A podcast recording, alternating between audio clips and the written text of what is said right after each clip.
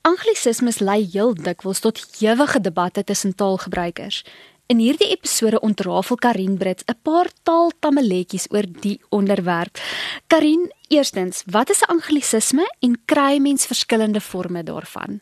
Ek kan wegspring en sê anglisismes is is iets wat ons natuurlik met hand en tand op skool beveg het. Jy was in my jare banger vir 'n anglisisme as om 'n plaas van Bliss Bridges agteruit te speel. So die die vraag is natuurlik wat hierdie anglisisme is. Ons weet dis iets waarvoor ons moet bang wees want ons is en ek ek sluit myself ook nou daarbey in. Ons is geneig om enigiets wat klink of dit uit Engels kom as anglisisme af te maak. En dit is natuurlik 'n gevaarlike roete om te volg. Afrikaans en Engels kom uit dieselfde taalfamilie. Dis natuurlik nou hierdie Wes-Germaanse taalfamilie. As ons op skool is, dan dink ons mos Engels is heeltemal 'n ander taal. As jy nou begin om tale te bestudeer, dan besef jy ons kom eintlik uit dieselfde taalfamilie uit. So die ander tale nou in hierdie Wes-Germaanse groep, om net vir jou idee te gee, is dan nou Duits en Fries en Nederlands. So Afrikaans en Engels het dis dieselfde familietrekke. Soos wat ons nou maar ook in 'n familie het, ons nou maar die lyk ons maar dieselfde, so kom dit ook in ons taal uit. Soos dieselfde familietrekke en dan gaan daar partykeer uitdrukkings wees wat ons dan sommer net dadelik wil sê is anglisisties, maar ek dink dis baie gevaarlik om dit so te benader. Die vraag wat ons ek dink eerder moet vra is verdring hierdie vorm 'n reeds bestaande en meer idiomatiese uitdrukking in Afrikaans. En dan kan ons begin sê goed, dit is 'n anglisisme, kom ons vermy dit eers. Of eerder kan 'n anglisisme aan slegte taalgebruik gelykgestel word. Nou dit bring ons natuurlik by die normatiewe taalkunde en dit gaan ons nou maar oor normes. As ons nou nou kyk na die na die normatiewe en met normes het ons baie keer 'n oor 'n uitspraak wat ons lewer. Iets is goed of sleg. Ek is baie versigtig vir iets wat goed of sleg is. Ek sou dit diplomaties eerder lui taalgebruik noem mense is eintlik so partykeer bietjie bang. jy maak 'n fout, né? As jy nou mos nou praat, dan gebruik jy net sommer die vorm wat jy voor voor die hand het, né? En dan gaan dink jy nie so bietjie oor is daar dalk 'n beter manier om om myself uit te druk nie. So partykeer is ons vrees en ook partykeer druk om iets te sê, dreig ons dan nou neig ons om dan net maar die Engelse ehm um, vorm te gebruik. Ek kry dit baie en ek dis nou nie net anglisismes nie, maar dat mense vir my eerder iets in Engels sal stuur want hulle die gevoel hulle gaan minder foute maak in Engels as in Afrikaans. So mense moet dalk nie so bang wees nie. Dit skryf bietjie daaroor dink en dan kyk of jy nie 'n goeie ou Afrikaanse uitdrukking eerder kan gebruik nie. So Karin, watter riglyn kan gevolg word om te bepaal of 'n woord anglisisties is of nie? Jy het nou vroeër net vinnig gesê as hy 'n bestaande woord in Afrikaans verdring, is daar dalk miskien nog maniere om dit te bepaal? mag ek dit dalk 'n bietjie tong in die kies sê. Gebruik daardie sin op sosiale media. Die taaltrolle sal dadelik en dikwels ook verkeerde terugvoer vir jou gee. So dis 'n baie gevaarlike riglyn wat ek vir jou gaan gee, maar vertaal dit weer terug Engels toe.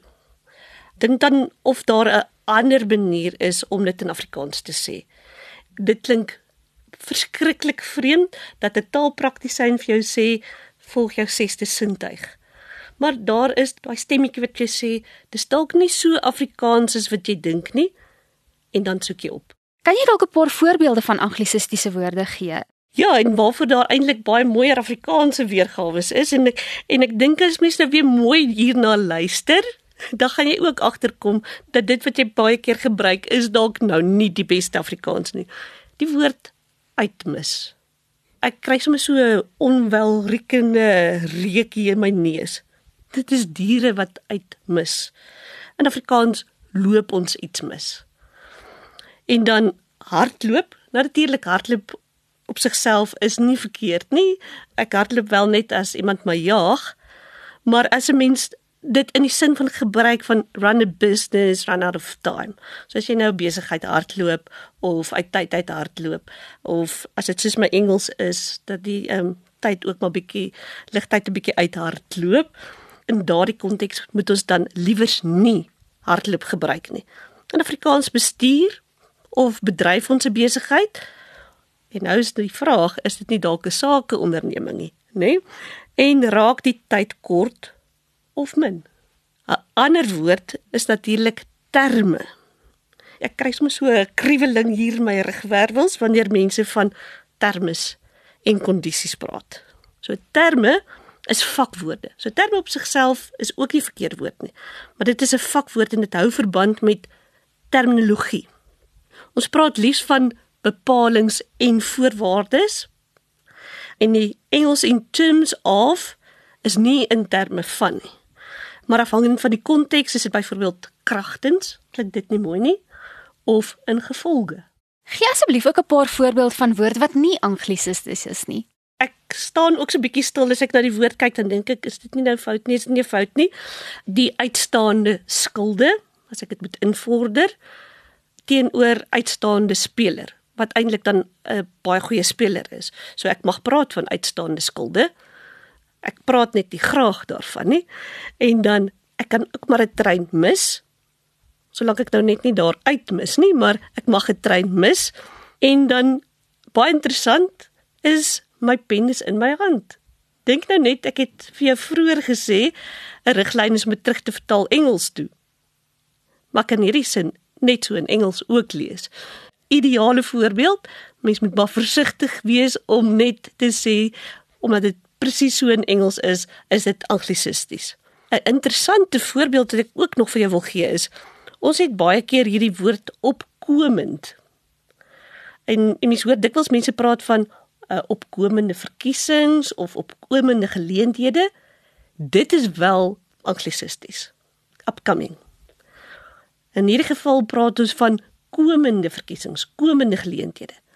Maar opkomend is nie verkeerd as ek dit gebruik met opkomende geslagte nie.